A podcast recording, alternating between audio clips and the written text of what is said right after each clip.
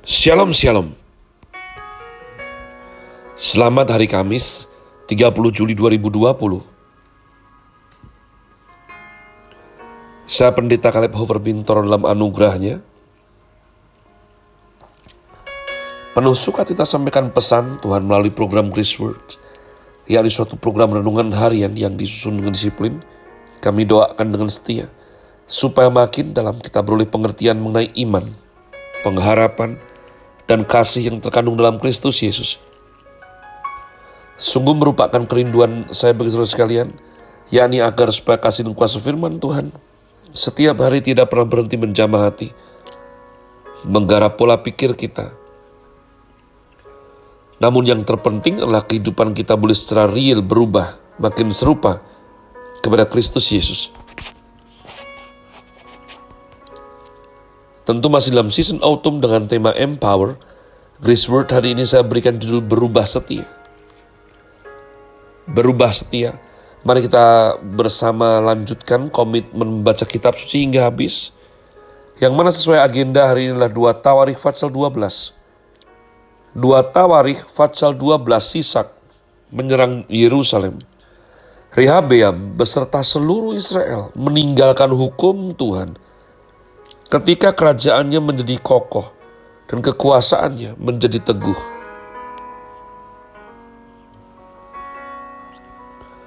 Tetapi pada tahun kelima zaman Raja Rehabeam, majulah Sisak Raja Mesir menyerang Yerusalem karena mereka berubah setia terhadap Tuhan.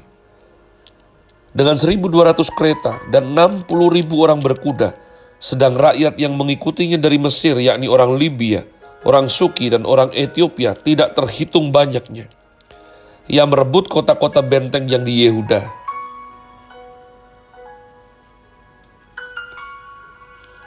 Bahkan mendekati Yerusalem.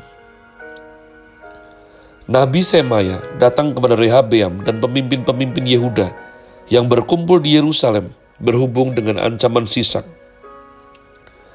Dan berkata kepada mereka, Beginilah firman Tuhan, kamu telah meninggalkan aku. Oleh sebab itu aku pun meninggalkan kamu juga dalam kuasa sisak. Maka pemimpin-pemimpin Israel dan raja merendahkan diri dan berkata, Tuhanlah yang benar. Ketika Tuhan melihat bahwa mereka merendahkan diri, datanglah firman Tuhan kepada Semaya bunyinya, mereka telah merendahkan diri, oleh sebab itu aku tidak akan memusnahkan mereka Aku segera akan meluputkan mereka, dan kehangatan murkaku tidak akan dicurahkan atas Yerusalem dengan perantaraan Sisak.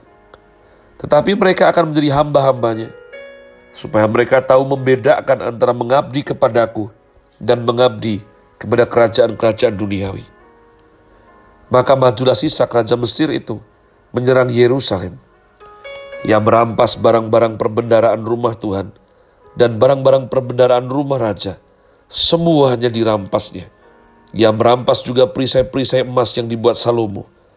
Sebagai gantinya, Raja Rehabeam membuat perisai-perisai tembaga yang dipercayakannya kepada pemimpin-pemimpin bentara yang menjaga pintu istana raja.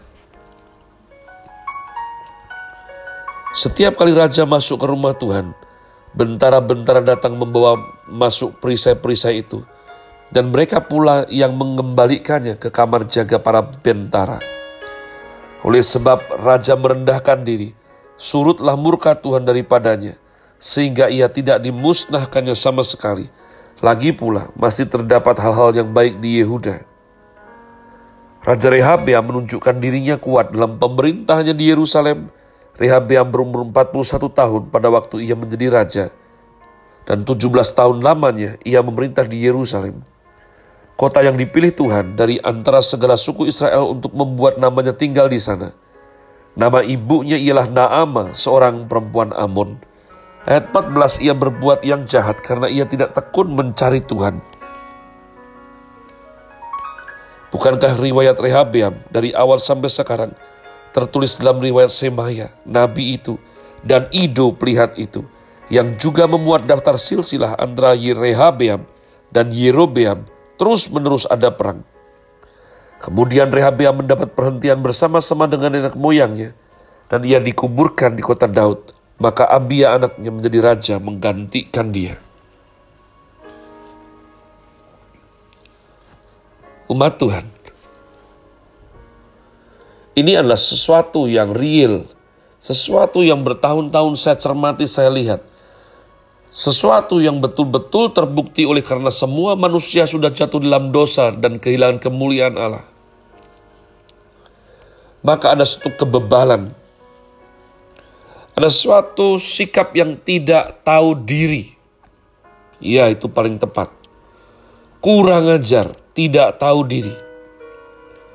Berubah setia pada waktu pergumulan berat, lekat dekat dengan Tuhan, cari nama Tuhan, cari suara Tuhan, suka didoakan, justru sayang Tuhan melayani. Tapi roh seperti yang dipunyai Rehabeam, begitu kerajaannya kokoh, kekuasaannya teguh, justru meninggalkan hukum Tuhan. Ini real umat Tuhan. Saya berdoa sungguh-sungguh supaya kita tidak seperti ini. Bebal. Dan terlebih lagi ada satu hal, yakni tidak tahu diri. Rehabeam harusnya mengingat betapa hidup ayahnya yakni Raja Salomo itu begitu luar biasa oleh karena perjanjian dengan Tuhan. Bagaimana Tuhan meluputkan dia dari sisak Raja Mesir bagaimana Yerusalem tidak jadi diluluh lantakkan walaupun memang sudah dirampok oleh sisak Raja Mesir. Tapi soset sekali, sedih sekali umat Tuhan. Begitu kerajaannya kokoh, kekuasaannya teguh, dituliskan bahwa Rehabeam berubah setia terhadap Tuhan. Apa untungnya berubah setia kepada Tuhan? Saya kadang terus berpikir, Ma Tuhan, karena toh dalam kehidupan ini kita tidak mungkin tidak menyembah siapa pun.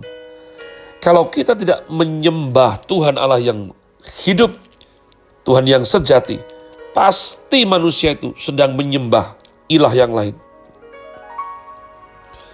Nah, sesuatu yang menarik dengan ayat yang ke-8, tetapi mereka akan menjadi hamba-hambanya supaya mereka tahu membedakan antara mengabdi kepadaku, artinya mengabdi kepada Tuhan, dan mengabdi kepada kerajaan-kerajaan duniawi.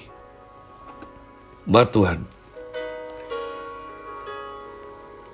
saya sungguh berdoa supaya kita diberikan terang di hati kita, supaya tidak seperti Rehabeam. Dan Tuhan mengizinkan semua itu terjadi Supaya apa? Supaya hati mereka yang bebal tahu membedakan antara mengabdi kepada Tuhan dan mengabdi kepada kerajaan-kerajaan duniawi. Banyak orang berkata, "Aku tidak berubah." Engkau berkata bahwa pada waktu aku kurang punya, miskin, aku sayang Tuhan. Sekarang setelah diberkati, tidak sayang Tuhan. Tidak, tidak seperti itu. Umat Tuhan, kau harus mengerti Amsal 27 ayat 2 berkata penilaian itu sah kalau dari orang lain. Kalau orang tua rohanimu menjagai kamu, kalau seseorang dipakai Tuhan menjagai kamu, berkata bahwa engkau sekarang berubah setia, maka yang harus kita lakukan bukan debat sama Tuhan, tapi memeriksa hati sungguh-sungguh dan terlebih lagi bertobat sungguh-sungguh untuk kembali dalam cengkraman kasih setianya. Saya berdoa supaya anugerah Tuhan ada atas kita semuanya. Dan sungguh kita dikuatkannya untuk tidak mengambil langkah yang sama dengan Rehabeam. Di mana akhirnya Tuhan lepaskan dia untuk bisa membedakan mana lebih enak, mana lebih diberkati antara setia mengiring Kristus atau justru percaya dengan ilah-ilah zaman ini. Dan biarlah saya berdoa umat Tuhan. Mau seperti apa pun posisi kita. Mau bagaimanapun berkat Tuhan dicurahkan dalam kehidupan setiap kita. Jangan pernah heran. Dahulukan Tuhan lebih daripada segala sesuatunya. Sehingga engkau beruntung dan setiap jalan-jalanmu berhasil. Have a nice day. Tuhan Yesus memberkati saudara sekalian. Sola. Grazie.